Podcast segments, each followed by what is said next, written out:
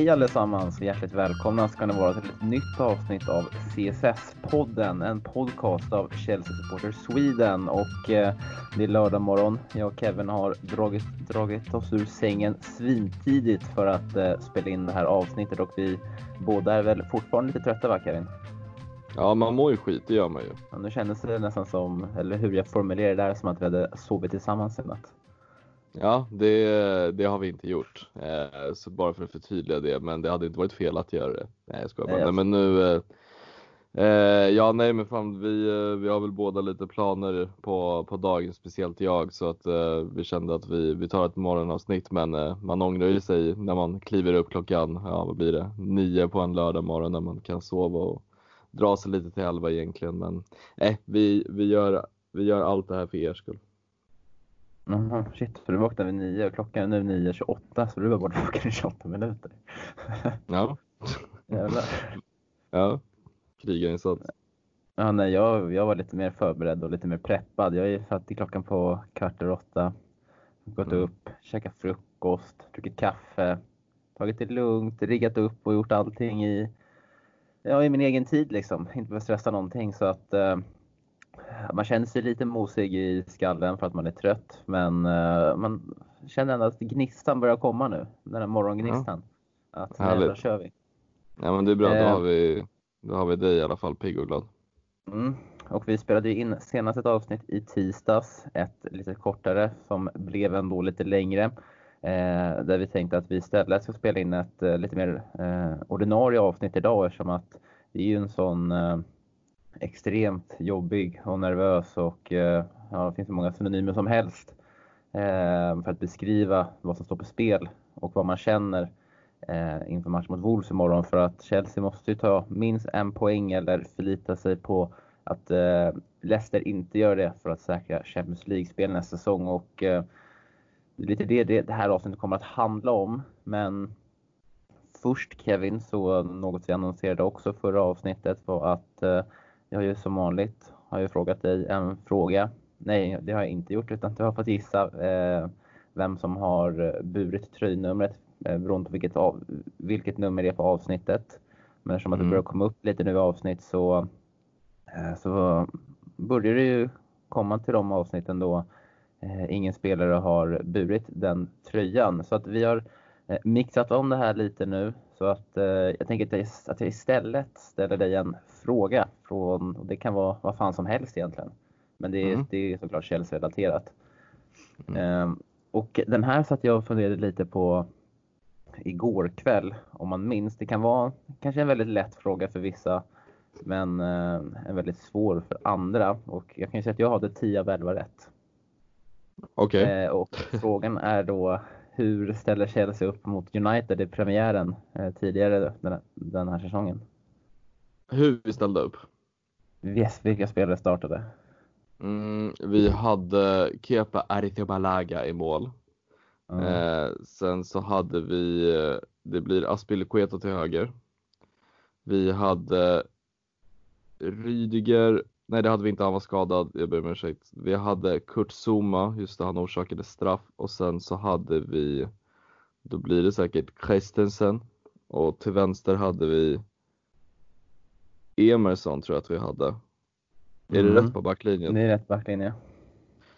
Emerson hade väl ett då- skott i stolpen eller ribban? Ja men precis, precis. Och jag tänkte Zuma orsakade ju straff så att det var make sense med dem. Eh, och sen på mittfältet, undrar, den var lite knepig du. Det, så, det kanske var lättare för dig att stå framför datorn och kolla det här. Men jag tänker yttrar, då hade vi nog eh, William måste ha startat tillsammans med eh, Pedro tror jag inte startade. Mm, Hudson Odoi var skadad, Pulisic tror jag inte startade. Ja men vi säger Pedro då till vänster och sen så hade vi Giroud vet jag att vi hade längst upp. På mittfältet hade vi Jogge. Conte var skadad så då blir det väl Jogge, kanske Mount och Kovacic. Ja, du hade 9 av 11 rätt. Ja, fan nära ändå. Ja, vilka plumpade jag på? Du plumpade på att Giroud spelade, det var Tammy Abraham som startade. Han hade också ett skott, han hade väl skott i stolpen nästan efter två minuter. Abraham. Fan, jag hade för mig att han hoppade in. Ja, ja okej. Nej. Och eh, sen så, William, hade, William spelade ju Copa America med Brasilien, så han kom ju tillbaka och skadade sig där, så han kom ju tillbaka skadad också. Eh, så han spelade inte, utan det var Mason Mount och eh, Pedro på varsin kant.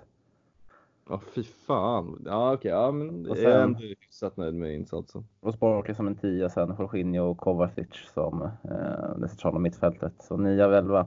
Men Mm. jag, jag jag hade fel, jag trodde att, eh, jag var helt övertygad om att det var Kanté som startade istället för Ross Barkley. Men att han gick ut i typ minut 30 på grund av skada.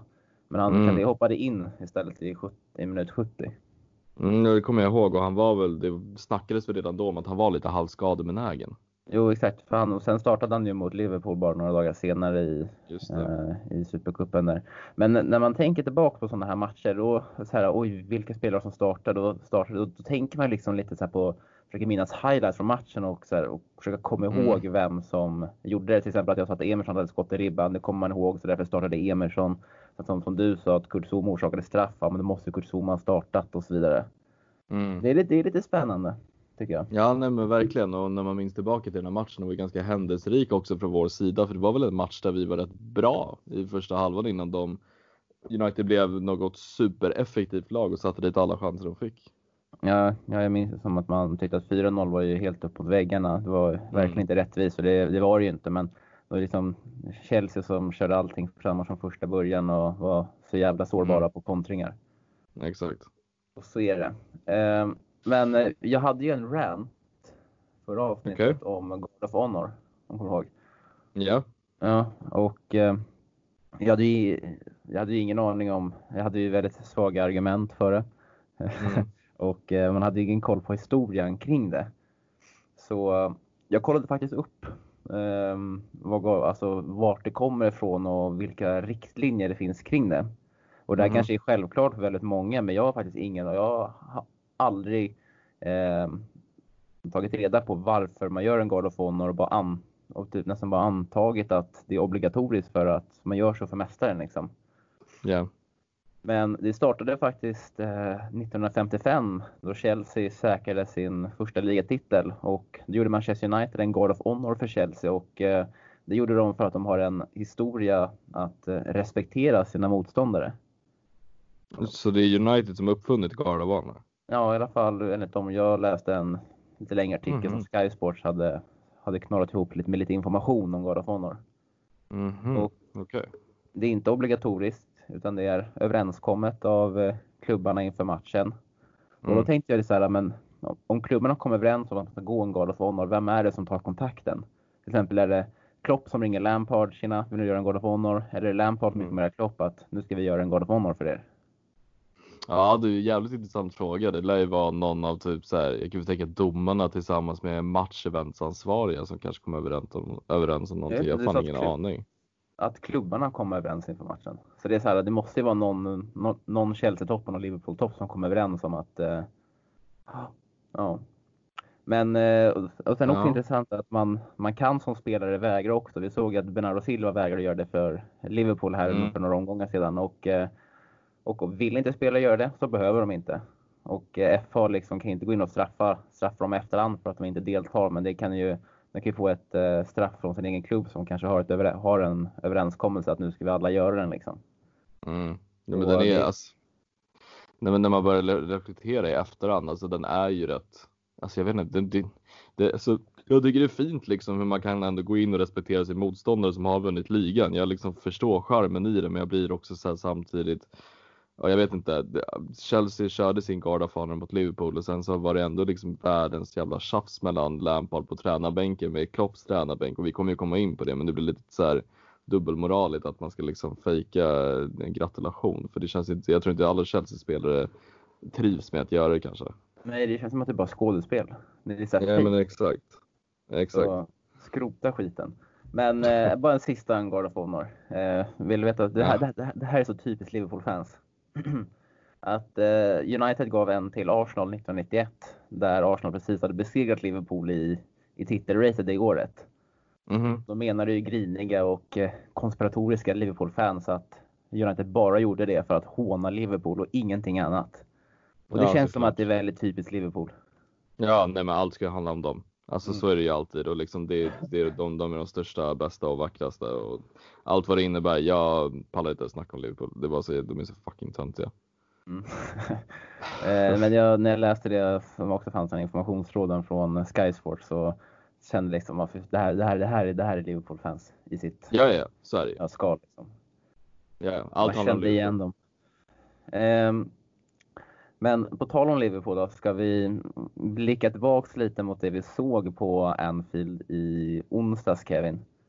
Mm, jävlar, fan det var en mental urladdning för, för min del i alla fall. Jag, jag, jag var riktigt, alltså jag brukar, alltså så här, jag brukar kunna släppa matcher rätt bra eftersom jag bor tillsammans med en flickvän så det känns som att man kan inte vara alltför douchey och sitta och vara arg i flera timmar efter en fotbollsmatch liksom som man har tittat på TV. Men den här matchen tog jävligt hårt med. Jag gick runt i en timme bara för mig själv. Gick på en liten promenad utomhus och tjurade. Jag vet inte vad det var, men det var en sån jävla mental urladdning och fysisk urladdning. Alltså sett hur matchen blev med tanke på att vi var så nära på vändaren.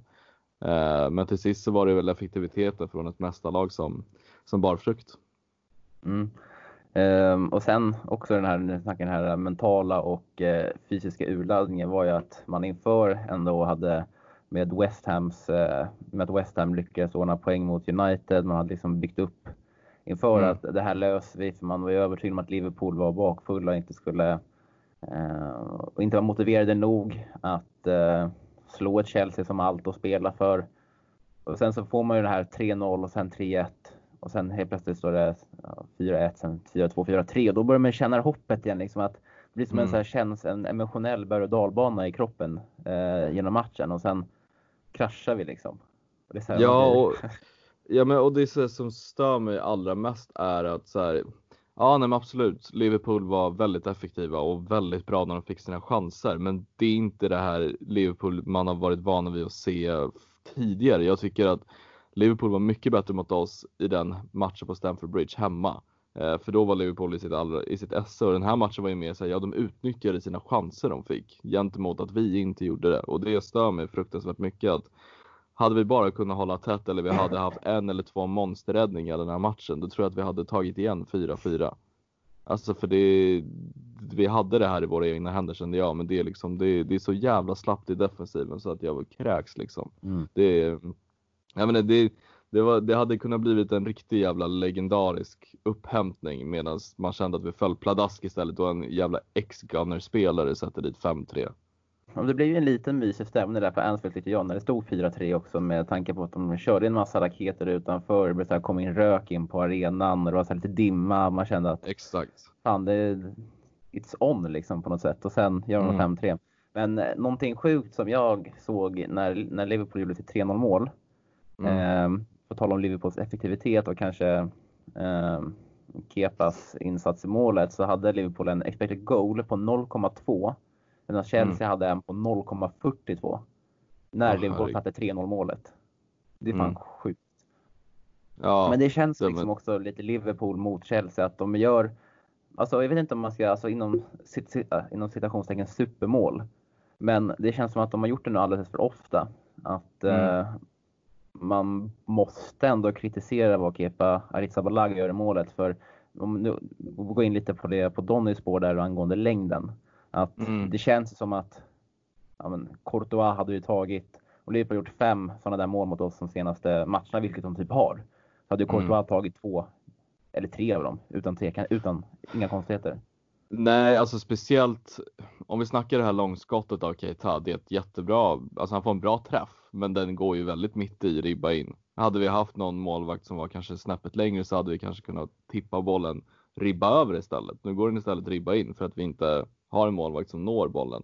Och vid frisparksläget så tycker jag liksom Alltså såhär K-mark rantade ju sönder på Viaplay om att eh, ah, nej men fan Kepa ska ju stå i mitten. Han sa ju till och med fan i, i livesändning och det blev så här. Alltså så här, ja men jag köper lite vad han säger men samtidigt, det, det är en bra frispark. Men det jag, köp, det jag liksom tycker ändå man kan kritisera Kepa för är att i en sån här situation så kan jag faktiskt hålla med om att han bör stå lite mer i mitten. Han stod limmad mot högra stolpen. Det är en jättebra frispark. Det är bra kraft på den och den går liksom i ett hörn ganska högt upp. Men det är oftast där frisparksskyttar lägger bollen och det är ja. så pass långt avstånd att han aldrig skulle lägga den på Kepas stolpe.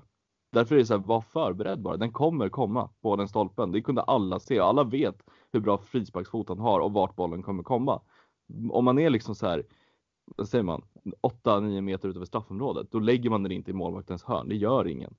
Nej, men eh, alltså han, han, han såg ju lite för mycket eh, bort mot ena stolpen, men själva måltekniken är att man står lite åt andra sidan, man tar två små steg så man får kraft i sin, eh, eh mm. att man får upp, kraft upp, när man liksom. slänger sig liksom upp. Mm. Men Kepa står ju fastklistrad, han försöker ju inte ens. Men Nej. också det här med Kepa att alla de här, och sen kan man också tillägga att Alexander Arnold hade en, en identisk frispark i mål på Stamford Bridge i september. Exakt, exakt samma hörn, exakt samma sak. Mm. Men det som är problemet med Kepa också, det är att han, alltså om vi tar Keitas skott till exempel, mm. om vi mm. tar Sahas skott mot eh, Crystal Palace, att Kepa är ju där. Men han mm. har ju liksom inte, han har, väl, alltså han har inte spänsten i, han, han, han har varken spänsten eller längden i, eh, mm. i, sina, i sina, alltså när han slänger sig efter bollen. Han är en, någon decimeter för kort och han kommer inte tillräckligt högt upp. Ja men också att han, han spelar inte för ett lag, alltså så här, vi, vi är katastrofala defensivt många gånger. Men det är ju inte ett vi är inte ett fotbollslag där vi är tillbakapressade 90% av matchen. Det är snarare tvärtom. Det är oftast vi som pressar väldigt högt i en fotbollsmatch. Det är oftast vi som för matcher, om vi nu inte möter till exempel Liverpool eller City, de här absoluta bästa topplagen. Eh, och då ställs det ju krav på att en målvakt kommer få stå rätt mycket och titta på och kanske dirigera mycket eller få stå med fötterna väldigt mycket och att det kanske kommer väldigt få chanser på matcherna. Det kan man se på vår statistik. Det är inte jättemånga lag som skapar supermånga chanser mot oss, men de chanser som skapas går ju in. Och han verkar ju inte vara en målvakt som kan hålla koncentrationen uppe en hel match, utan när han väl känner att det kommer målchans, då är han inte riktigt förberedd känns det som varje gång. Att han liksom står fast i gräset, han hinner inte med en förflyttning, han hinner inte få ett finger på bollen på Sahas långskott eller på Arnolds frispark. Alltså det, det, är liksom, det är symboliskt, det händer varje match, match in match ut. Alltså vi, vi har ett dåligt försvar och vi kan släppa till hörnor och sånt, men var liksom så här, vi kommer, ett motståndarlag i West Hams kvalitet säger vi, de kommer kanske ha två, tre chanser på hela matchen. Då gäller det att ha koncentration 100% om man är målvakt. Och ett bevis att Kepa inte har att Kepa inte har någon koncentration. Det är väl det klippet som du körde ut både på Twitter och CSS-podden-gruppen. Oh, när, den där fasta situationen mot uh, slutet av matchen när spelarna vrålar efter honom. Ja men alltså och det tycker jag är så, alltså för mig, det, det är en sån jävla symbolisk situation på vad laget också tycker. För att jag tror att det är en sån här situation, jag tror inte laget såklart vill inte visa medialt vad man tycker om Kepa, men här blir det under match per automatik att man får se känslorna runt om honom. Och jag tycker inte man har kunnat se det så jävla många gånger den här säsongen. Men här var det så symboliskt liksom folk alltså slår ut med armarna. Abraham slår ut med armarna. Aspilicueta står och skäller ut honom på noter. Och Rydiger är liksom ett stort frågetecken. Fine, Rydiger kanske skulle ha haft van Dijk där. Men jag lastar Kepa helt och hållet för den situationen. Den går. Alltså framför honom. Han kan hoppa och boxa bort den. Men han mm. står fastklistrad som vid frisparken. Och står och liksom börjar gestikulera mot försvararna. Alltså jag, jag har så svårt för den där stilen av honom. Kan man konstatera att det är väl brist på koncentration och brist på självförtroende och jag vet inte, så det är mycket som spökar i, i den skallen. Jag tyckte det var lite mm. kul det som Tommy eh, Kristiansson la upp på CSS-podden som jag garvade lite åt igår. När han säger att Wolves snittar fyra mål per match, vilket betyder att vi måste göra minst fyra mål. Eller fyra skott på mål. att de gör minst fyra mål på söndag. Men det känner jag ändå att vi, vi kan göra. Det är det som är det roliga. Vi är så fucking dåliga defensivt, men offensivt, där, där, där kan vi göra mål i alla fall. På tal om att vi är bra offensivt så måste vi också nämna Pulisic inhopp och kanske Abrahams och Hudson Doys också. Ja, alltså där måste man ändå säga kudos till Lampard att han slänger in dem samtidigt. Jag tycker ändå att det är ett ganska bra drag. Sen tycker jag att det kan komma lite, lite sent och jag tycker även att någon av dem borde startat från början. Eh, sen så måste bara ge hylla mig själv. Jag tippade ju faktiskt helt rätt på elvan. Jag kände på mig att Lampard inte kommer byta någon spelare eller laguppställning. Eh, men eh, herregud vad Pulisic är bra. Alltså när han kom in i matchen, det var en helt annan injektion och Hudson Doy var också jättebra, men jag tycker Pulisic överglänste de två som hoppade in tillsammans. Eh, jag tycker han ser så jävla bra ut. Det är lite Hazard-vibbar börjar jag känna nu också. Ja, alltså. Jag väntar lite med de jämförelserna för mm. jag tycker Pulisic måste bevisa lite under en längre tid men just Såklart. nu så är han ju en av ligans absolut bästa spelare och det behövde han bara 45 eller en halvtimme på sig och, och visa borta mot ligamästarna. Ett 4 mm, underläge. Alltså, ja men de där tre grabbarna han drar där nere i hörnet och tunnel på den sista. Det är, ja, det är fotbollsklass på det där. Mm. Ja, det, ja, det, jag hoppas verkligen att man kan bibehålla den här formen inför nästa säsong. Då kommer vi bli extremt giftiga framåt känner jag med lite Werner, lite Ziyech och eventuellt en Kai, Kai Havertz också.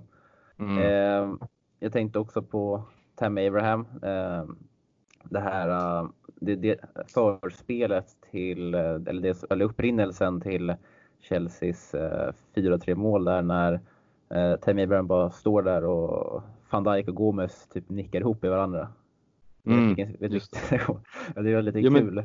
när man såg eh, på reprisen hur mycket K-mark hyllar Abraham där när han när han bara står där för feg upp i duellen och van Dijk och Gomes nickar ihop i varandra och Abraham blir lite gudsförklarad där av, av K-mark. Ja, men snälla någon, eh, säg inte det en del om K-mark också. Han sitter ju varenda gång han är i en studio sitter och säger ja, när jag spelade i Leicester. Man bara ja, men jag tror att du har spelat typ 20 matcher totalt för Leicester på typ 98 eller vad det nu är. Det är liksom nej, sorgligt att höra. Ja, han för sig som en Leicester-legend liksom.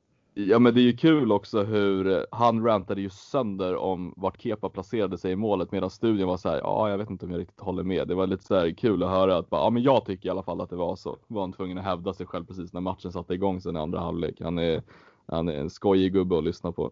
Ja, han måste fan ha vet du, nakenbilder på Per Lundstedt eller någonting som är sportchef vi har satt för att, att han har ju suttit och svamlat i den där studion och det där kommentatorbåtet allt för länge nu.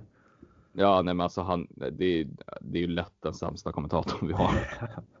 ja, jag är beredd att, beredd att hålla med. Men ja. eh, eh vi var inne lite på den där frisparken som Trent Alexander-Arnold slog. Eh, mm. och, eh, eh, det var ju en felaktig frispark, eh, tror jag de flesta håller med om. Även en kompis jag som är Liverpool-supporter höll med mig, så då om även Liverpool-fansen håller med så antar jag att det var, exakt, att det var feldömt. Men eh, han, eh, han skulle inte ha frispark där. Var det Mané som gick ner mot Kovacic. Kovacic var ju först på bollen. Eh, och det fick ju verkligen Lampards topplock att gå mot eh, Klopp. och jag var så jävla glad att du gjorde det. Alltså, eller vad kände du? Jag tyckte det var, jag kollade på det här klippet alltså över 15 gånger. För jag tycker det är så jävla fantastiskt att höra Lampard. Jag har liksom alltid sett Lampard som en gentleman som oftast inte såklart att hans topplock också kan gå, men på det sättet. Det var liksom så jävla kul att, att höra. Jag studerade verkligen det där klippet och såg liksom vem det var han skällde ut och man, många liksom tolkar det som att det är Klopps och han som står och har en liksom orddiskussion och det är det till viss mån, men det är ju främst Pep Linders som är assisterande tränare till Klopp som har på något sätt provocerat Lampard i och med frisparken med att ja men så här, det är inte en frispark säger Lampard medan de gör gester, alltså gester emot Lampard och påstår att det är en frispark. Sen jublar ju de direkt efter Trent Alexander-Arnold sätter den eh, mot Frank Lampard varav han visar på tummen upp liksom som en alltså, ironi. Eh, och jag tycker väl, jag tycker Lampard är rätt ute på det där med att han, eh, han tycker ändå att man kan kräva lite respekt från ligamästaren när dels att det inte är en frispark men också sättet man firar målet på. Jag vet inte om du såg efterföljderna av eh, eh, firandet från, eh, från assisterande tränarna när Trent Alexander, Trent Alexander Arnold gör mål. Nej, det har jag missat. För, Men... då, för då blir det liksom Klopp firar ju som vanligt och sen så ser man assisterande springer emot Lampards bänk och liksom knyter näven framför honom. Och det tycker jag är liksom så här, fan, där kan man ju väl chilla lite. Jag vet inte, det är, det är, inte, det är lite Mourinho-aura över det. Mm. Um, jag fick lite, eller när man såg lite vibbar mot eh, VM-gruppmatchen mot Sverige-Tyskland där assisterande Exakt. tysken gick fram och hånade lite mot Janne Andersson och Pontus Jansson. Då gick topplocket på Andersson. Ja, det är fint när det går på Andersson också. Men eh, Frank Lampard sa ju på presskonferensen efter att eh, I, would have a, I would have had a beer with Jurgen Klopp after the game and toasted what a performance they've done this year. But there were things on the line that I didn't like from their bench, which I mm. felt crossed the line. Mm, och där tror jag han syftar jättemycket på just assisterande. För Klopp Klopp var ju också rätt oskön, men han försökte på ett sätt också tona ner sina assisterande. Han, man såg att han gav handen mot flera gånger, så sätt dig ner, ta det lugnt och försökte lugna ner situationen. Så att jag tror att det snarare var riktat mot assisterande. Eh, Klopp, eller Klopp, säga vad man tycker. Jag tycker han verkar vara en rätt skön tränare också, så jag tror inte det var liksom menat något sånt. Men jag tycker det är kul att den här rivaliteten byggs upp ändå. Mm. Kan det bli till nästa säsong, kan det bli lite Mourinho Conte eller Mourinho Guardiola eller typ, det blir mycket Mourinho, men Mourinho Wenger? Ja, det hade varit kul och eh, känna att rivaliteten byggs upp ännu mer, speciellt nu när Liverpool har fått lite luft efter sin första titel på 100 år. Mm. Um, ja, det, det, det, känns ju att eh, det känns inte som att det finns så mycket, i alla fall inte engelsk fotboll just nu, några tränarrivaliteter som ändå, som ändå det har funnits kanske eh, Conte Mourinho som det, som det mest färska exemplet. Det känns som att eh, krigs, eh, stridsyxan mellan Guardiola och Mourinho har lagts ned. De, det mm. händer ju ingenting mellan dem längre. Um, så att jag tror, jag tror ligan skulle må bra av lite, lite, lite mer skitsnack på presskonferensen. Mm. Men jag tror inte att det är Lampard som kommer, som kommer stå för det. Han sa ju också på presskonferensen när han fick, när han fick en fråga om det här att, uh, att han ångrar vad han sa eftersom att hans barn antagligen lyssnar på det här. så uh, det känns som att han kommer att hålla igen. Ja, jo, men jag tyckte ändå det var kul att höra lite fuck off you. Det är, det är fint att höra från Lampard. Jag tänkte på en rivalitet, rivalitet som jag diggade jävligt mycket. Det var ju Mourinho mot Wenger när Mourinho tränade Chelsea. Alltså det var så jävla kul att följa de två, speciellt när Wenger kliver över tränarområdet och drar två jävla händer i bröstkorgen på Mourinho, varav Mourinho kontrar liksom med att vinna matchen mm. överlägset. Nej, det, den mm. rivaliteten glömmer jag aldrig. Den var fin, jag älskar också den rivaliteten, men det, det slutade med att man, fall att jag till slut ändå tyckte lite synd om Wenger. För liksom, alltså han försökte, försökte, försökte, men han hade nästan, nästan aldrig någonting att komma med. För Nej. Arsenal var ju, alltså, var ju, var ju Arsenal var ju lite, lite av ett skämt. Det är de fortfarande, men på den tiden var det det här skämtet att de alltid slutade topp fyra. De hade sina kollapser, eller de alltid slutade på fjärdeplatsen. Eh, mm. Vann aldrig ligan, vann aldrig någon titel. Och det svårt att vinna mot topplagen. Svårt att vinna mot topplagen. Så det var alltid någonting som Mourinho spelade på i, uh, mm. i media och Wenger hade ju pra i praktiskt taget ingenting att komma med. Och, och sen uh, exakt den situationen som du nämner här när, när han puttar till Mourinho i bröstet och man tänkte att fan nu, liksom, nu har den här frustrationen som har legat inom Wenger i typ fem år, det är nu den kommer ut. Liksom. Man tycker lite synd om honom, jag vet inte. Ja, nej, men jag, jag kan förstå det. Samtidigt tycker jag att det, det är liksom det som är ändå charmen med Mourinho och säga vad man tycker om honom. Han är ju faktiskt väldigt duktig på att komma under huden på liksom tränare och spelare. Det är det jag tycker är lite fascinerande att folk går på det här fortfarande. Det är Mourinhos sätt och det har alltid varit det och Wenger var ju väldigt lätt provocerad tycker jag på det sättet att han liksom Ja, alltså topplocket flög rätt snabbt på Wenger så fort det var någonting. Den här situationen var så jävla symbolisk. Det sjuka är att han inte fick någon avstängning för att kliva in i det andra motståndarlagets tränarområde och dra till en knuff på tränaren. Hände mm. ingenting efter. Ja, men det är, intressant och eh, vi har ju också den här när Sarri tränade, när det var Chelsea United, när Ross Barkley gjorde kvittering där 96 och någon assisterande i Sarris team gick fram och hånade Mourinho och han flyger upp och... Äh, fan, jag vill ha mer sånt i Premier League. Alltså, det är så här, det, mm. jag, jag gillar dem. Det alltså, blir stora snackisar som man gillar att följa. Det är så här, det Men känns, kan... Gillar rivalitet. Ingen jävla God of Honor. Det ska vara tränare ska ska fan hata varandra. När, när, när Klopp ringer och frågar Lampard, hörni kan ni göra en God of Honor? Då ska Lampard säga fuck off och lägga på luren. Ja, nej, jag håller vara. med. Nej men jag, jag, känner bara, kan inte det komma också i och med när publiken kommer tillbaka, att det växer lite mer, där det är lite mer tryck på arenan? Jo, det tror jag. Det blir en mycket hetare stämning i luften med mm. lite chants som uh, rullar uh, längs och genom arenan. Mm, men, mm, uh, ja, ja, men det var, var i alla fall ett uh, summering summarum, eller vad man säger. Så var det en tuff, tuff resultat på Anfield i onsdags och nu gäller det att vi knyter nävarna och eh, piskar dit vargarna på söndag.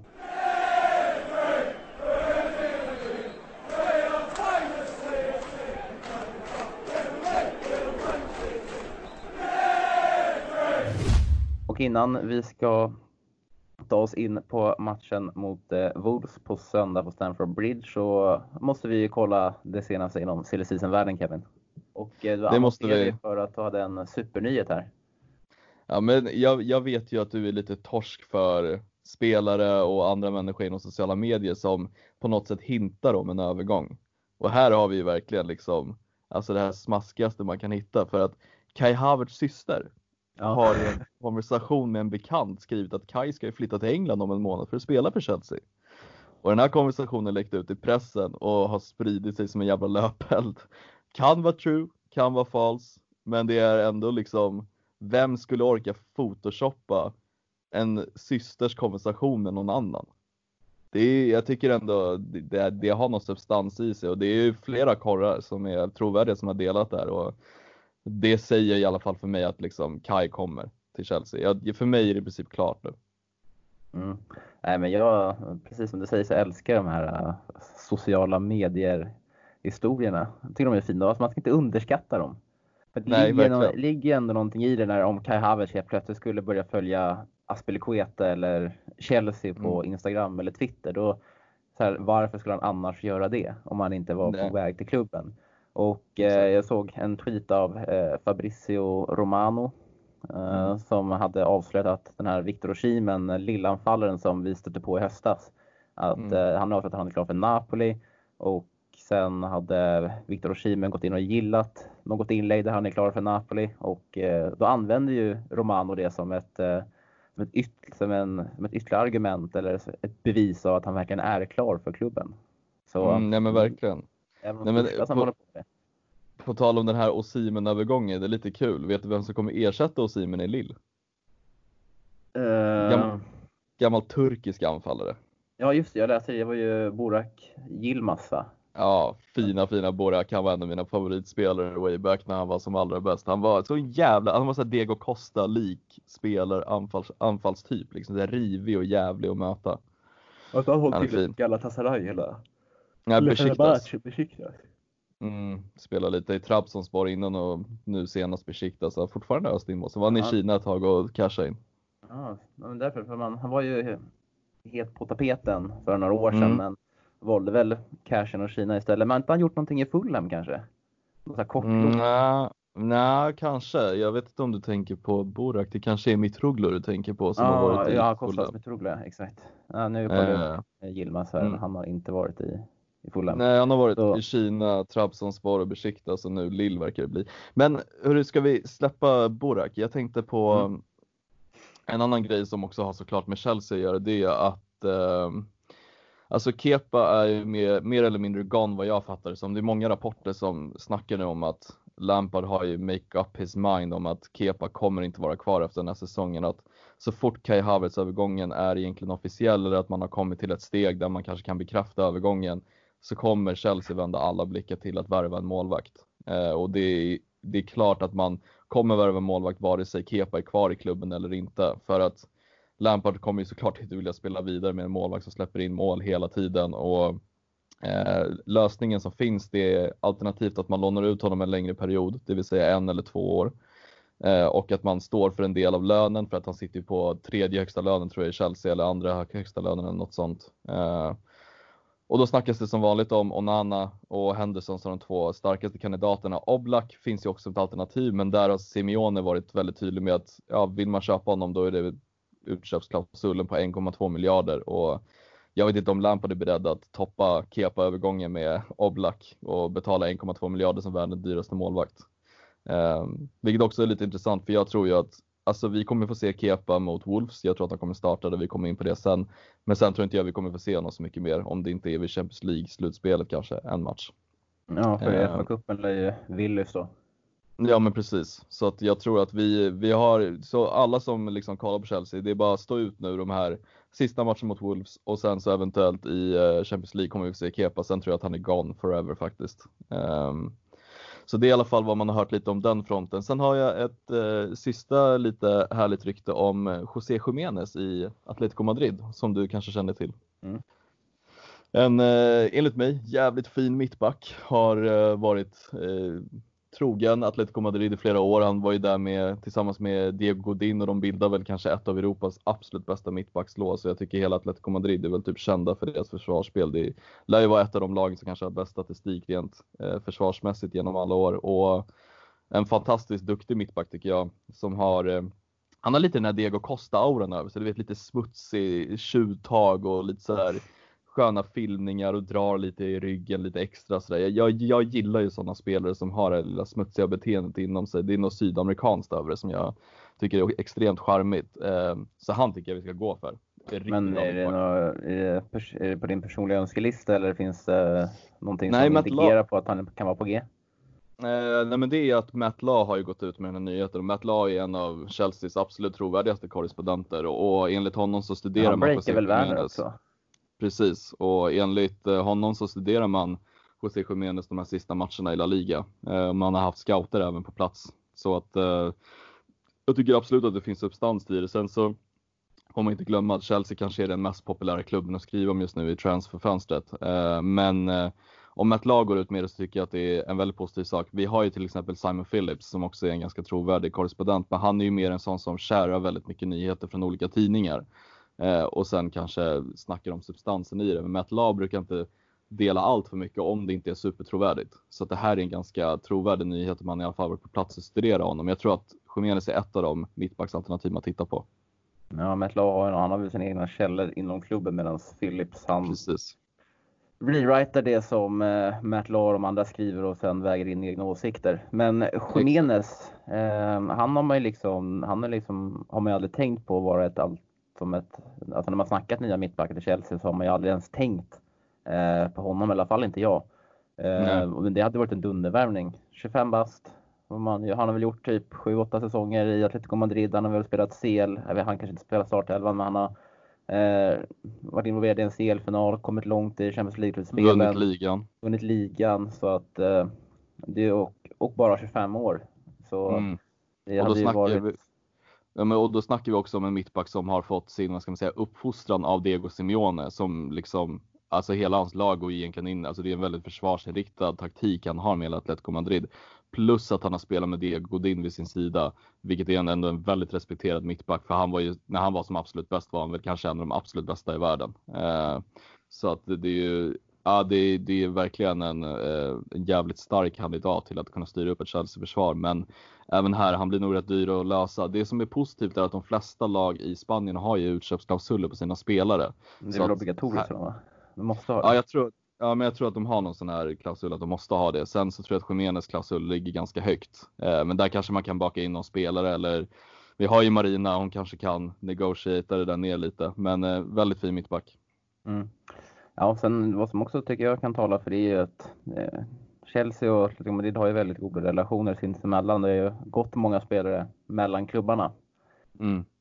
Filipe Luis, Diego Costa, Fernando Torres, Alvaro Morata och så vidare och så vidare. Så att de har ju gjort förhandlingar förut. Ja men exakt. Så att, eh, får se hur det utvecklar sig. Mm. Eh, och så har jag en, en punkt till på agendan att eh, beta av innan vi går in mot Wolves-matchen. Så hade du och jag en liten diskussion här igår eh, i mm. vår mästargrupp hur vi ska, hur Chelsea ska formera laget inför nästa säsong. Eh, och jag satt och kollade första halvlek av Chelsea United i Champions League-finalen 2008. Och eh, blir ju frälst, eller blir, man blir ju återigen påmind vilket jävla fint mittfält det var där med Makalele, Ballack och Lampard med Makalele som en liten sköld eller städgumma framför backlinjen och Lampard och Ballack har lite högre utgångspositioner och känner att det är fan någonting jag vill se i Chelsea till nästa säsong. Mm. Och det tror inte jag är helt orelevant. När, när du skrev den här elvan till mig så blev jag ändå så här jag har ju tänkt mig lite 4-2-3-1 som Lampard oftast har velat starta med, men han har ju mer och mer gått över till en 4-3-3, ganska rak sådan med en Mount ofta som har fått tagit en lite djupare roll gentemot den nummer 10-rollen han fick i början. Så att eh, det är nog inte helt fel. Du kan väl dra den, den teoretiska elvan du tror att det kommer bli? Eller det var ingen, typ, eh, inte vad jag tror, utan om man, om man skulle ställa upp i 4-3-3 så man kanske kör en Kanté som en städgumma framför mittbackarna. Och sen har man en Kai Havertz till höger och en Kovacic eller Mount till vänster på det där tremanna mittfältet. Sen så finns det plats för en Loftus senare, men eh, han måste visa lite först innan han ska bli inkluderad i sånt. Eh, och det tror jag ändå har varit väldigt, ett starkt, ett väldigt starkt mittfält. Men det som mm. också lite talar emot det, eh, det är ju, det, det, är ju Kovacic som vi, mm. som vi också diskuterade vidare. Att eh, han, han, han, han har inte skottet och han har inte beslutsfattandet i sista tredjedelen som både Lampard och Ballack hade. och att vi kommer tappa lite offensiv kraft att spela honom. Mm. Och det blir ett problem för att Kovacic, känner jag och du, är en spelare som man absolut inte vill peta. Och Kanté behövs i den rollen framför, eh, framför mittbackarna. Och eh, Kovacic kan vara för svag ut där eh, på den andra mittfältspositionen. Mm. Så det blir en liten problematik där hur man ska ställa upp då för att försöka få ha Kovacic i laget. Men annars tycker mm. jag att det är ett supermittfält. Ja men alltså supermittfält och tänk dig bakom anfallstrion Hakim, Werner, Pulisic. Det är ju också en härlig trio att ha framför sig och det är ju lite som du säger Kovacic, det ställs ju lite krav på honom hur det blir nästa säsong för att Ruben går inte in och norpar en plats i elvan. Jag tror Mount också kommer få kampera med både Kai och Kovacic om en plats i startelvan. Jag tror att Lampard kommer ju vilja köra på liksom, om det nu blir Kai Havertz så kommer han nog, Kai Havertz nog inte sitta på bänken så jävla många matcher och Kovacic har ju ändå fått ganska mycket förtroende av Lampard så att det gäller väl att han utvecklar sin, eh, sin spelstil lite mer och kanske kan eh, bidra med lite mer poäng. Samtidigt tycker jag också att Kovacic bidrar med en defensiv som jag inte tycker varken Mount eller Ruben loftus kan bidra med. Och tar inte fel, Mount är jättebra defensivt men Kovacic tycker jag är en mycket bättre bollvinnare, en transportör och har en annan funktionell teknik för att kunna hålla bollen lite mer än vad Mount och Ruben kan göra. Ehm, så det kan ju vara positivt också på det sättet att Kanté och Kovacic kanske tar lite, lite, lite djupare roller medan den här eh, vad ska man säga, högre centrala mittfälten i Kai Havertz, Mount eller Ruben kan kliva lite mer framåt. Så att det, jag tycker ändå det kan vara en hyfsad balans. Men det är som du säger, Lampard kommer nog kräva att de två centrala framför Kanté ändå har rätt mycket anfallstänk. Så att eh, det blir sjukt intressant att se.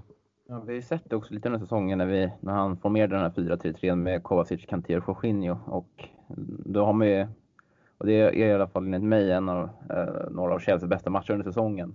Men då har ju liksom Kovacic och mm. Kanté fått spela lite, lite högre upp och eh, det har ju skadat vår offensiv en del. Mm. Men om man kollar på spelet generellt så är ju då som jag tycker att Chelsea gjort sina bästa matcher. Men kanske saknat lite offensivt.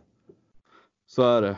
Eh, och det är väl lite det man kan känna om Kovacic i det fallet att man önskar många gånger att han kunde liksom på något sätt få ihop hela det defensiva paketet han har och kunna använda det lite mer offensivt. Men det känns som det har blivit lite hackigt där. Det var ju någon period han gjorde mål mot Valencia och Everton tror jag det var på två matcher på rad. Sen så dog det ut lite. Så mm. har det inte varit så mycket mer poäng efter det. Nej, det är väl hans enda två mål under säsongen. De två. Ja. Och förra säsongen gjorde han väl inga.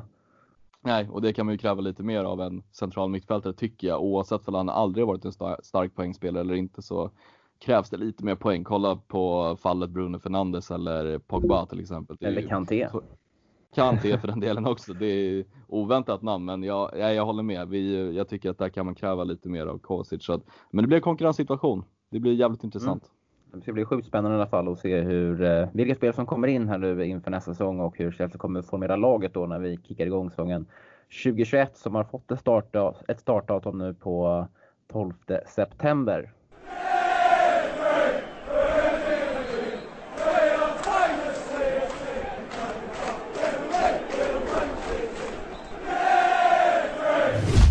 Det är ju imorgon söndag som allt ska avgöras. Det är då vi kommer få se ifall eh, Chelsea kommer att få spela Champions League nästa säsong. Och eh, ja, det var inte liksom det här man eh, önskade sig skulle hända, att allt skulle avgöras i den sista omgången Kevin. Man kommer sitta extremt skitnödig imorgon på när domaren blåser visselpipen där 17.30 på Stamford Bridge.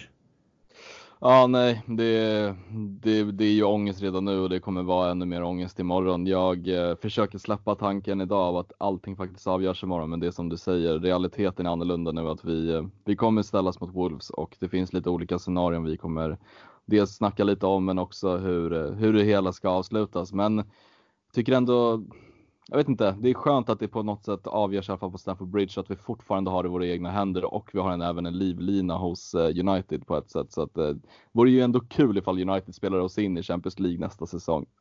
Jag kan inte Matic köra någonting nu för den här jävla övergången till United? Mata och... tänker jag. Ja, Mata också. Mata och Matic, de två MN, ja. får, eh, får fan till att lösa det här nu. Om Chelsea skulle choka hemma mot Wolves. Men ja, jag är äckligt nervös och det känns som att Visst, vi snackade lite förutsättningar du och jag. Alltså att inför säsongen så har ju Chelsea verkligen överpresterat och det här hade man ju lätt tagit inför säsongen. Men när man mm. är så jävla nära och skulle snubbla på mållinjen då skiter jag i hur förutsättningarna såg ut. Det kommer ändå kännas förjävligt.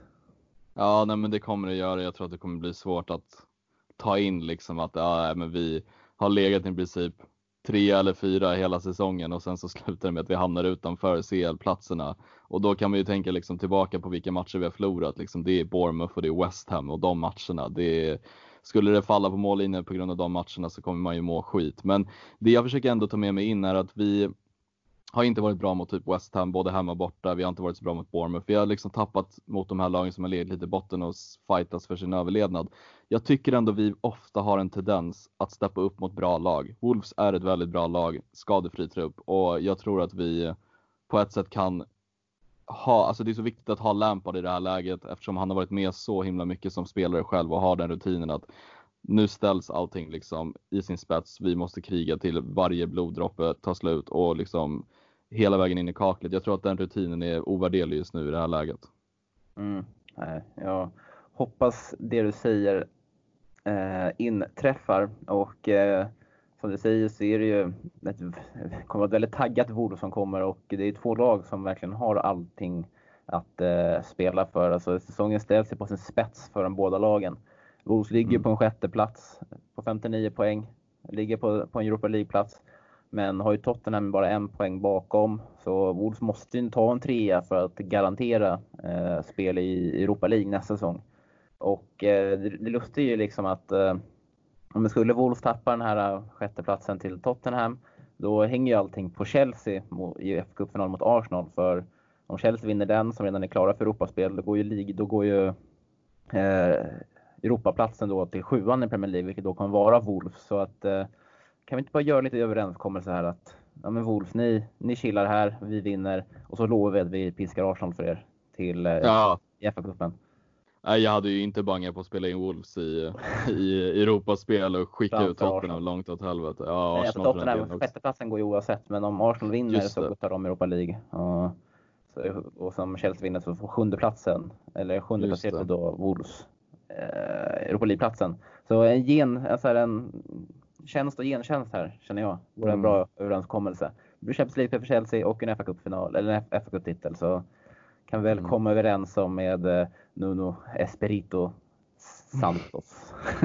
jag vet Santos? Men det, jag tror ja, nej, men, nej, ja. men jag tror att han heter det. Uh, det. Det som jag tycker också är lite jobbigt att det är så här fan alltså kunde inte omgången avgöras med så olika tider på dygnet. Nu är det liksom så att Leicester spelar samtidigt som vi eh, mot United. Och det tycker jag är jävligt jobbigt för då blir det liksom hålla koll jävligt mycket på telefonen, hålla koll på Chelsea-matchen. Och sen har vi även ett derby mellan AIK och Djurgården som vi inte kanske behöver gå in på så jävla mycket men det är liksom mycket att hålla koll på. Och det tycker jag fan, det för mig är ett stressmoment att liksom vi har liksom en livlina alltid på United-Leicester-matchen men vi måste egentligen avgöra det här själva för vi, de spelarna och planen har ju absolut ingen aning om hur det går. Och jag tror inte tränarna heller vill förmedla hur, vad som står, alltså vad det står i den matchen. Man kan inte bara helt förlita sig på liksom hur det går i den matchen. Så att, äh, jävligt jobbig sekvens. Det ska bli jävligt intressant att se hur tränarna tacklar det här, för det är en ganska unik situation ändå för att vara Chelsea. Vi har oftast klarat oss undan de här jobbiga sista omgångarna. Ja, hjärnan kommer ju, kommer ju gå på högvarv. Kommer mm. definitivt göra på eh, imorgon 17.30. Men ska vi gå igenom vilka olika scenarion som kan tänkas utspela sig på Stamford Bridge imorgon då? Eh, mm. Vi kan ju först konstatera att eh, för Chelsea så räcker en poäng. Spelar vi oavgjort så har vi en Champions League-plats oavsett vad som sker i Leicester United. Mm. Och eh, det är ju baserat på att United har samma poäng som oss och Leicester har en poäng, poäng, en poäng, en poäng bakom oss. Så mm. det fattar ni ju själva att när de får möta varandra så räcker en poäng oavsett. Men skulle vi förlora så måste United vinna mot Leicester borta. Om det blir oavgjort där och vi, och vi förlorar så tappar vi platsen på målskillnad till Leicester. Och det är det scenariot som skrämmer mig lite. Att tänk matchminut 80, Wolves leder med 2-0. Eh, det är så 0-0 Leicester United. Då kan ju de bara rulla boll i backlinjen och båda har Champions League-plats medan den slirar ur Chelseas händer.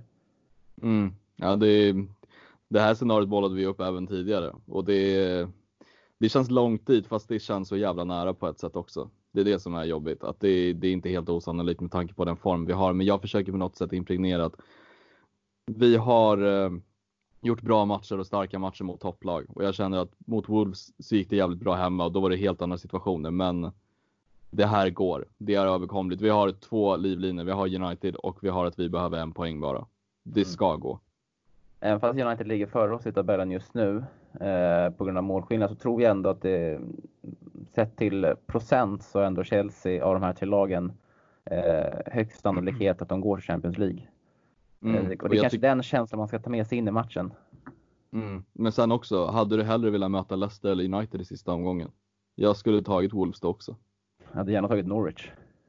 Ja, men om vi, om vi snackar Leicester, United och Wolves så hade jag fortfarande valt Wolves i sista omgången ja. på ett sätt. Det liksom känns ändå som att Ja, nej, men det är klart, de har Adama Traoré, Raúl Jiménez, de har Diego Jota, det är bra spelare. Men eh, ja, jag, jag, vet inte. Jag tror att det, vi ja. kan ha en jävligt bra chans. Ja, för, alltså, som, ja, exakt. För, mellan United och Leicester, det är, det är som en ren final för dem. Alltså, mm, den som tar poäng exakt. av den andra kommer gå till Champions League.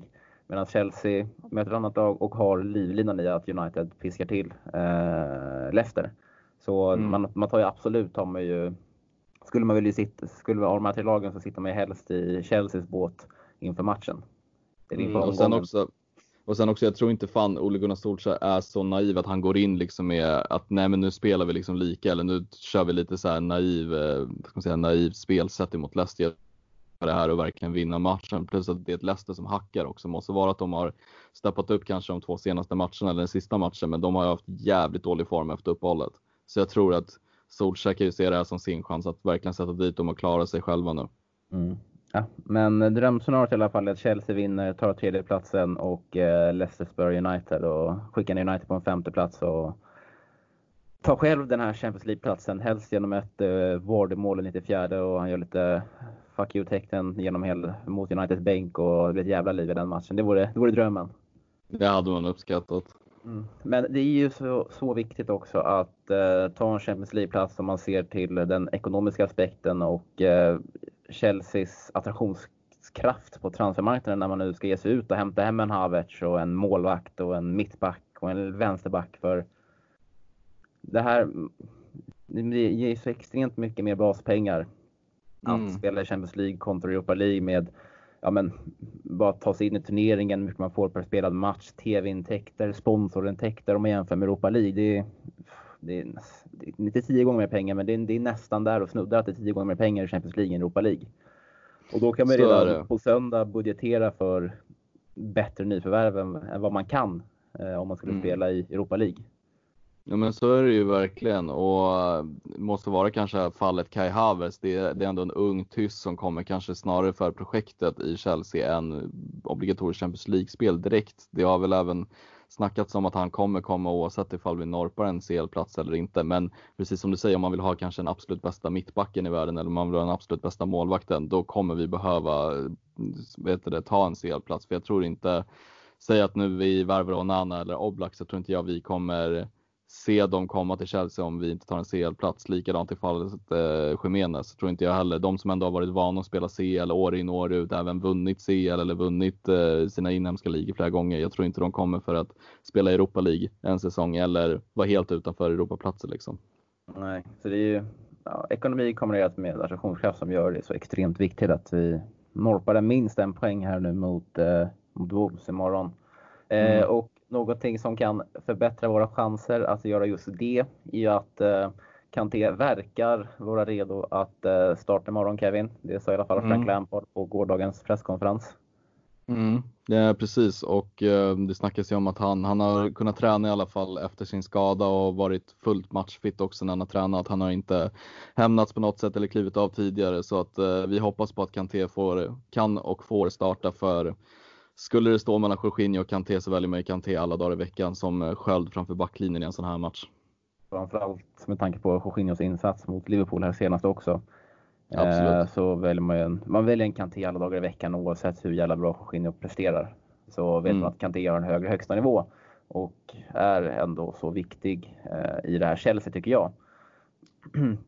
Så Kevin, hur ställer vi upp imorgon när allt ska avgöras? Hmm. Det har ju faktiskt snackats lite om att James kan flytta in som mittfältare om det är så att Kanté inte startar. Men det är en annan femma. Jag tror att vi kommer fortsatt starta med eh, Reece James till höger. Jag tycker han var fantastisk mot Liverpool oavsett hur det gick. Jag tycker han var jättehärlig att titta på. Duellen mellan han och Mané var en fröjd också för jag tycker han utmanövrerar Mané många gånger. Så James tror jag startar. Jag tror att vi kommer få se Rydiger och Zuma som mittbackar. Vi kommer få se Aspilicueta till vänster. Jag tror att vi kommer gå över till en fyrbackslinje igen. Eh, och sen så tror jag att vi kommer få se Kanté framför backlinjen. Vi kommer ha Kovacic och Mount framför och så tror jag att Pulisic, Abraham och Hudson Odoi tror jag skräller och startar. Ja, det tror jag att eh, han ändå ställer upp. Alltså Hudson Odoi kan jag köpa, men jag tror inte att han startar med Abraham, utan det är Giroud som kommer att spela här tror jag. Mm, det blir intressant att se. Jag tror att alltså, han har varit lite så när Abraham i mål brukar han få en start efter. Och jag hade rätt om att Lampard vidbehöll sin hela sin laguppställning senaste matchen när de, när de spelade 3-4-3 och vann. Så jag tror att eh, Abraham gjorde mål, Abraham kommer få starta. Jag tror att han går helt enkelt på den som har varit bäst senaste matchen. Ja, men Giroud hängde ju också en kasse. Ja, men det var också en, eh, ja fine, absolut det gjorde han, men jag tycker Abraham såg piggare ut sitt inhopp gentemot Giroud. Ja, vi får se. Uh, mm. Jag, uh, ja sen kan man ju tillägga också att Abraham har ju en bra målform mot Wolves. Han har ju tre på en match, så om man blickar tillbaka mm. på mötet på Molineux i... Du kanske man ska eh, skicka in Tomori också? Ja exakt, kan han bomba in en från... Det var ju den matchen Tomori gjorde ett, Abraham tre och Mount gjorde ett. Så det var ju rena showen från akademilirarna. Mm. Men jag köper din elva eh, OS, eh, nästan till 100 procent. Eh, jag tror dock ändå att eh, mm, de här tre sista positionerna så tror jag ändå vi kommer få se en en uh, Pulisic, Giroud och en William faktiskt. Jag tror inte att han mm. kommer slänga in Hudson Odoi och Abraham utan de kanske kan komma in lite senare istället om, vi skulle om det skulle behövas. Och det tror jag, den elvan jag drog, det är mer vad jag skulle önska. Jag tror också att det kommer bli den elvan du nämner. Sen reservation också för att Wolves spelar oftast med en trebackslinje de brukar formulera 3-5-2 eller 3-4-3. Det kan också bli så att Lampard kör en liknande uppställning för att jag tycker att han, senast mot Wolves så matchade han upp dem och spelade 3-4-3 mot dem också. Eh, nu, nu och Wolves spelade 3-4-3 i början av säsongen och de gått över snarare till en 3-5-2 med Jota och Raúl Jiménez där uppe. Så att det kan ju bli så också att han väljer att matcha upp det med en trebackslinje. Det skulle inte förvåna mig heller, för det har han gjort mot lag som spelar med trebackslinje. Likadant mot United i FA-cupen var det likadant. Mm, så att, eh, det, jag tror att det är också hans sätt att möta deras taktik lite. Och då blir, om de väljer att mönstra både eh, Raúl Jiménez och Jota där framme så blir det än viktigare än att ha Kanté på banan. Eh, mm. För det är verkligen inte att eh, Zuma och Rydiger kan hantera de två själva. Nej, det är Raúl Jiménez i sig också är livsfarlig. Jota tycker jag också är en så fruktansvärt underskattad spelare för han gräver fram mycket av situationerna mm. till Jiménez. Så att eh, två livsfarliga anfallare att ta hand om. Och sen har jag lite fin statistik att eh, eh, bidra med här.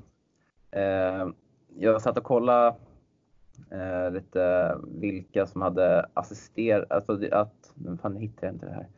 Eh, men eh, vem, alltså vilka två spelare som har mest poäng emellan varandra. Mm.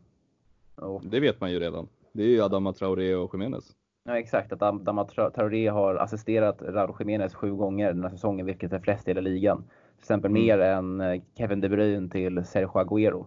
Så det är också ett radarpar där. Om vi tar bort Jota så har de också Adama Traoré till Raúl Jiménez som mm. också fungerar väldigt bra. Ja, och skillnaden där är att Nono brukar Alltså han brukar starta med Traoré, alltså han brukar variera honom rätt mycket. Antingen startar han honom på bänken och så startar han honom på, på elvan såklart. Och jag tycker inte Adamo Traoré har fått spela varje match in och match ut. Han är ju också en spelare som har en helt sinnessjuk fysik, så jag tror att man kan man kan ha vilat upp honom inför den här matchen, vilket jag tycker är jobbigt. För när Adamo Traoré kommer upp i fart, då har jag svårt att se någon Chelsea-spelare matcha honom i speed. Det, det, om Aspelguet är till vänster så kommer han få Traoré på sin kant. Ja, rutin mot flärd. Ja, det går ju verkligen inte att spela Alonso den här matchen mot, eh, mot Traoré. Helvete Det kommer heller. inte funka. Eh, jag tycker att vi skiter i att tippa ett eh, resultat eh, inför den här mm. matchen utan det, det känns bara onödigt och känns allt för jobbigt just nu. Men ja, det gör det. Vi hoppas ju såklart på att Chelsea tar tre poäng imorgon och kan titulera sig som en av deltagarna i Champions League nästa säsong.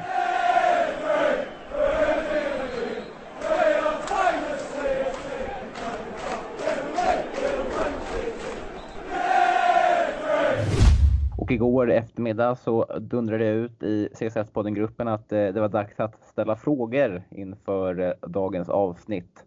Ehm, och det gör man då i CSS-poddengruppen som vi har på Facebook. Och är du inte med i den så tycker jag att det är hög tid att göra det nu. Ehm, det är en grupp på Facebook med över 450 medlemmar tror jag att vi är uppe i nu som diskuterar Chelsea på en daglig basis och eh, det värmer en lite i hjärtat att det är ändå ja, ungefär två eller tre eh, förfrågningar att gå med varje dag. Det är kul Kevin. Mm. Ja men verkligen. Det är, Ja men så är det verkligen. Redaktionerna börjar växa nu när vi har tagit in lite nya skribenter men också att eh, diskussionerna börjar diskuteras jävla mycket mer nu. Nu när det är lite så här jobbiga matcher att följa så är det väldigt mycket inlägg i gruppen vilket jag tycker är kul att se att det är mycket aktivitet hela tiden. Att man tänker på Chelsea på sin vardag, på sin semester eller vad det nu är. Mm, och eh, har du någon eh, polare som kanske inte är som ut, utspelar sig för att vara en Chelsea-supporter men kanske inte är så värst intresserad. Fan bjud in den personen i gruppen och få in den i gemenskapen och kanske bygga upp, bygga upp det här Chelsea-intresset som alla i den här gruppen delar. Det är, jag, jag älskar CSS på den gruppen. Mycket fint. Mm. Det, är ett, upp, det är fan upp mot 5, 6, 7, 8 inlägg per dag som alltid blir till en bra diskussion. Mm, nej, verkligen. Håller helt med. Eh, men i alla fall så eh, kanske jag formulerade mig lite konstigt i den här frågetråden. För jag skrev, vad är det som kommer hålla er vakna natten mot söndag då allt ska avgöras? Så mm, eh, lite, lite frågor som är skrivna lite ut efter det. Kan vi börja med vår fina krönikör här på CSS-redaktionen så har Thomas Löfven skrivit att Wolves raka, snabba och väldigt effektiva kontringsfotboll är ångestframkallande som säsongens sista match. Och det är det som kommer hålla mig vaken. Kommer det hålla dig vaken också Kevin? Ja, fy fan. Jag kan bara se framför mig typ en Adama Traoré dundra fram på högerkanten medan Jota och Jiménez river lite där framme. Det är, det är ångestfyllt som in i helvete. Sen har de ju också så underskattade mittfältare i Eh, Motinho, de har ju den Donker och nej, de har ju liksom ett jävligt komplett lag tycker Niels. jag ändå för att liksom, vad sa du? Ruben Neves. Ruben Neves, ja också livsfarligt långskott. Alltså det är, det är ett jävligt underskattat lag som kommer till oss. Ja, det är ju bara för Espirito Santos att säga till honom skjut, de har Kepa i målet. Ja, eh, verkligen. Så kommer han att Helvete, jag tänkte inte ens på att vi har Kepa i målet. Fy fan vilken ångest. Ja, det kommer en tuff natt. Eh, Jonas Frank menar att vi måste få hål på Wolves direkt och att han inte vill gå in i halvtid med 0-0. Eh, och att allt hänger på de första 20 minuterna. Håller du med honom? Ja men det kan väl skriva under på tycker jag också. Jag tycker också att när vi har fått en ledning innan halvtid så har vi ändå presterat bättre. Det känns som att vi är mycket sämre från underlägen så att eh, jag håller väl med honom att till viss mån kanske de 30 första minuterna är det absolut viktigaste skedet i matchen och att vi kanske får en Pulisic som är helt jävla uppsnurrad och kan försöka sätta dit någon boll eller en Abraham som är på rätt ställe för en gångs skull och stänker in ett eller två så att vi får lite andrum. Det är någonting jag också hoppas på såklart. Men det här psykologiska spelet också, att eh, om Chelsea skulle ta en tidig ledning, eh, det kommer sätta oerhörd press på Leicester, för de kommer ju veta om resultatet direkt. Det kommer ju spelas ut på planen. Så då betyder det att Leicester kommer gå all in framåt, eh, samtidigt som att Chelsea sajar bakåt. Och nej, fan alltså det, det är ångest alltså. Det är ren och skär ångest liksom. Nej, usch. Mycket eh, skärmar som vi får ha redo när vi tittar oh, på matcherna shit. imorgon. Ja just det, den ska vi se tillsammans ju imorgon. Ja, ska vi samlas och lite, lite bärs, lite chips, lite surr. Så får vi kanske en liten överraskning i poddgruppen också. Mm, eventuellt, förhoppningsvis. Mm. Eh, så stay tuned. Marcus Edqvist. Eh, vilken formation tror ni på nästa säsong? Och den har vi redan svarat under podden då vi ägnade en hel programpunkt till att diskutera det. Mm. Eh, Rasmus eh, Winqvist skriver att det som kommer hålla mig vaken inför matchen eh, är just att vi ska spela matchen. ja, men jag håller med honom. Det är ändå, ändå en bra summering tycker jag, fast det låter lite upprepande så, så är det väl lite så alla känner just nu att den här jävla matchen ska ändå spelas av. Men är det inte en charm också i sig att vara så här jävla nervig inför en match. Jag tycker ju om den känslan också, att nu ska fan allting avgöras i en omgång. Mm, jag känner att man inte, man har inte haft den sen, eh, sen efter omstarten av Premier League, som aldrig haft den här Exakt. riktiga äckliga nervositeten inför. Liksom så här, vi, har spelat, viktiga matcher som så här, sitter hemma, man är inte så jävla nervös för att man på förhand känner man att man vet hur det kommer se ut. Där blir man istället glad för att det blir det man inte trodde att det skulle bli. Sen visst United, det är en FA Cup semifinal, också tuff match. Men det känns inte som att man har byggt upp den känslan som man har in, inför den här matchen. Exakt. Uh, Hans Persson då, att skriva att Lams taktik och spelarnas inställning och mentala styrka att dels spela för en poäng samtidigt som man måste våga vinna för att inte riskera ett sent baklängesmål. Och, uh, och med det menar han, eller med det skriver han vidare att, uh, och undrar, kommer Kanté att gå in från start och fortsätta med tre centrala backar och två wingbacks? Två eller tre anfallare från start. Och det har vi också varit inne lite på när vi diskuterade start, eh, laguppställningen ehm, här tidigare. Mm, nej men och jag är lite mer nu i efterhand när jag tänker efter att jag kan faktiskt typ känna ändå att 90%, jag kan känna mig 90% säker på att jag tror att Lampard kommer spela med en trebackslinje i den här matchen för att han har matchat upp nästan mot varenda lag som har en trebackslinje med trebackslinje själv. Eh, och det har ganska många burit frukt också. Det var mot Arsenal som det inte gjorde det, men mot Tottenham gjorde det, mot United har det gjort det i FA-cupen, mot Wolves har det gjort det. Så bli inte förvånad om det blir så att vi har en trebackslinje och då kommer man ju spela tre anfallare från start en fråga till dig då. Två. Jag ser inte, vad sa du? En fråga till dig då. Eh, mm. Det betyder att vi måste slänga in antingen Alonso eller Emerson på, eh, på wingbacken där, till vänster mot Adama Traoré. Och tar man Emerson eller tar man Alonso då? Då tar jag Emerson. Helt ja, ärligt, förlåt. Matcha, Alonso matcha är superbra. Ja, nej, men alltså, han är superbra offensivt Alonso, men vi, behöv, vi behöver inte hans kanske dunderoffensiv den här matchen. Vi behöver någon som kan döda Traoré i hans jävla löpdueller det finns väl ingen som kan matcha hans snabbhet egentligen, men eh, Emerson han har inte lika långt bak som Alonso kommer göra i en eventuell löpduell. Liksom. Exakt, och då kanske man kan ha, det hade varit kul att ha en Tomori typ vid vänster, vad säger man, en vänster mittback och så Emerson på vänstersidan. Då kanske man har någon jävel som kan täcka upp med snabbhet. Mm. Stefan Gunnarsson fruktar att det blir en hjärtattacksmatch imorgon. 1-1 och Wolves ligger på för vinst i slutet. Snälla, snälla, snälla! Ge oss en lugn och säker 6-0 vinst. Ah, fan, det hoppas jag också. Ja, det är det jag önskar. 4-0 minst. Vad var det? Eh, Chris, vad heter han? Eh, Tommy hade skrivit att vi behöver göra minst fyra mål. Ja, exakt. eh, men eh, ja, är det du kommer be, be om innan du släcker telefonen för ikväll och ska sova. Dra en bön ja. för att det blir 16. Jag kommer sitta på mina bara knän och be sönder. Får vi se vad som händer imorgon. Nytvättad, skrubbad kropp. Så ren som möjligt och bara sitta där på, på huk och jag känner, bara, makter. Jag, jag, känner bara imorgon så får alkoholen lösa min ångest. Fint. Eh, Joel Brink, vem står i mål? Kepa? Tror jag. Kepa Arrizabalaga kommer få stå sin sista jävla match i Premier League imorgon. Mm, hoppas det också. Men jag vill ändå ha, jag, jag vill att han kör in Ville Caballero imorgon. Alltså han måste take action för helvete. Och eh, Ville Caballero även, är ju också lite färsk. Eh, eller han är fräsch med tanke på att han ändå spelade mot United här senast i fa Cup-semin. Så att det är han, han, har ju liksom, han, hans handskar är varma, han har rutinen så jag tror att han kommer göra det mycket bättre än om Kepa står i mål. Mm, får se. Um, Ola Westin. Var Super Franks utbrott mot Fulsens bänk rättfärdigad eller var det ovärdigt en Chelsea-tränare? Min åsikt är att, det är, att min åsikt är betongförankrad. Men vi var ju inne på det. Jag, eh, jag tycker att hans utbrott var befogat för jag tycker att assisterande tränare, om man nu vill titta på klippet igen, så håll koll på en man med svart jacka som sitter där nere och gestikulerar mot eh, Frank Lampard. Det är Pep Linder som är assisterande tränare till Klopp. Jag tycker att han provocerar Lampard och hela laget jävligt mycket och väljer också att fira framför dem efter eh, Arnold i mål. Så att eh, jag förstår Lampard. Jag hade reagerat likadant om jag var honom. Sen tycker jag väl, alltså orden, ja det är väl klart om han känner att hans barn kollar på det och det spelas in i en mikrofon som sänds live liksom i matchen, det är inte jättebra men jag tycker ändå fuck off, inte är så farligt. Det är väl någonting man hör typ under matcherna hela tiden så att eh, fan lite, lite tugg måste man få ha. Mm. Nej, men jag tycker också att det var rättfärdigt. Det, jag gillar det. Jag tycker, inte, jag tycker absolut inte är ovärdigt en Chelsea-tränare. Vi har, vi har haft Conte, vi har haft Mourinho, vi har haft Sarri liksom. Så det är liksom, det, det, det, är mer en Chelsea-tränare att man håller på sen att det är ovärdigt för en Chelsea-tränare att göra så. Exakt. Det ligger i Chelsea-tränarens natur att uh, vara lite hetsig på sidlinjen. Mm. Men uh, Tobias Roysson. show, alltså Callum Hudson-Odoi, verkade lite mer på hugget mot Liverpool senast.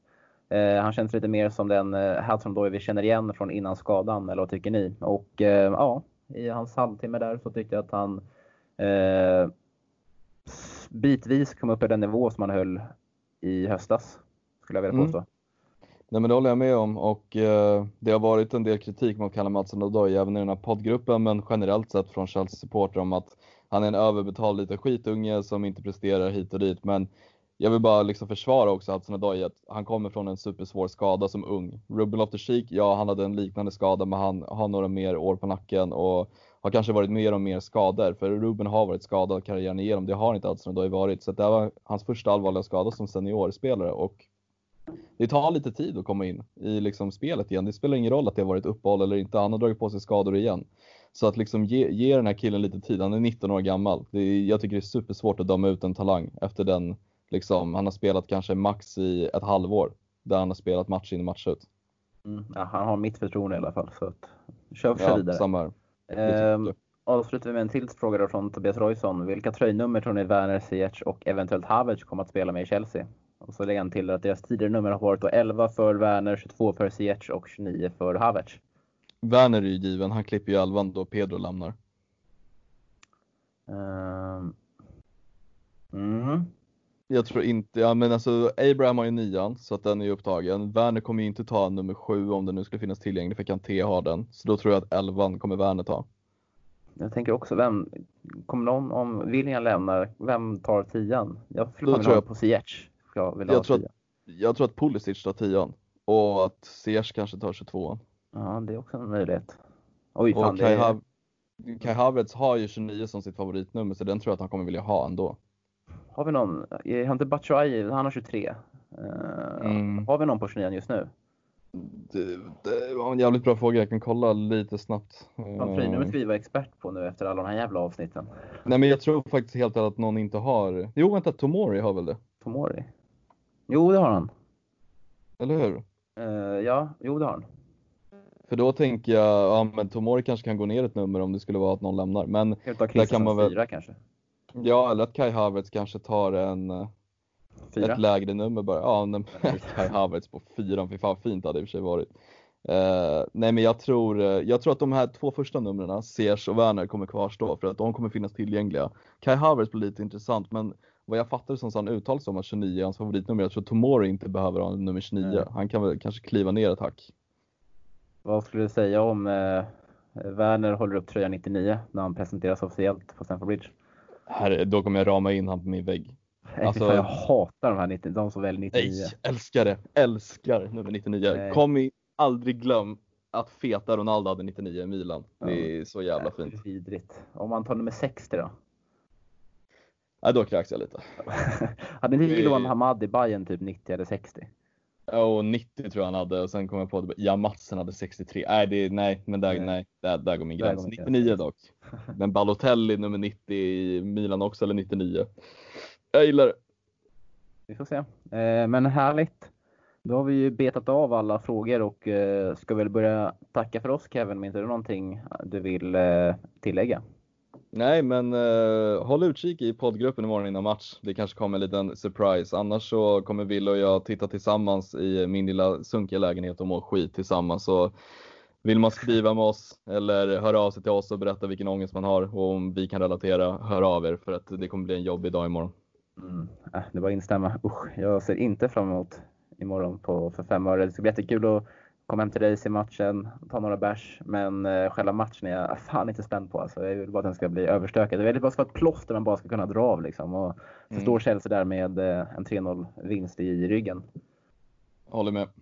Mm. Ja men härligt. Då får vi börja avrunda och jag får väl uppmana er alla att följa oss på sociala medier, Instagram och Twitter. Där vi på Instagram heter Chelsea Sweden understreck official.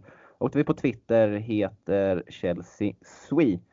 Sen får jag även uppmana er alla att eh, följa vårt dagliga arbete på Svenska fans där vi pumpar ut artiklar, artiklar dagligen eh, om vad som sker och händer runt om i klubben och eh, kommer nog vara extra aktiv i början då vi har rekryterat sex nya skribenter till våran redaktion.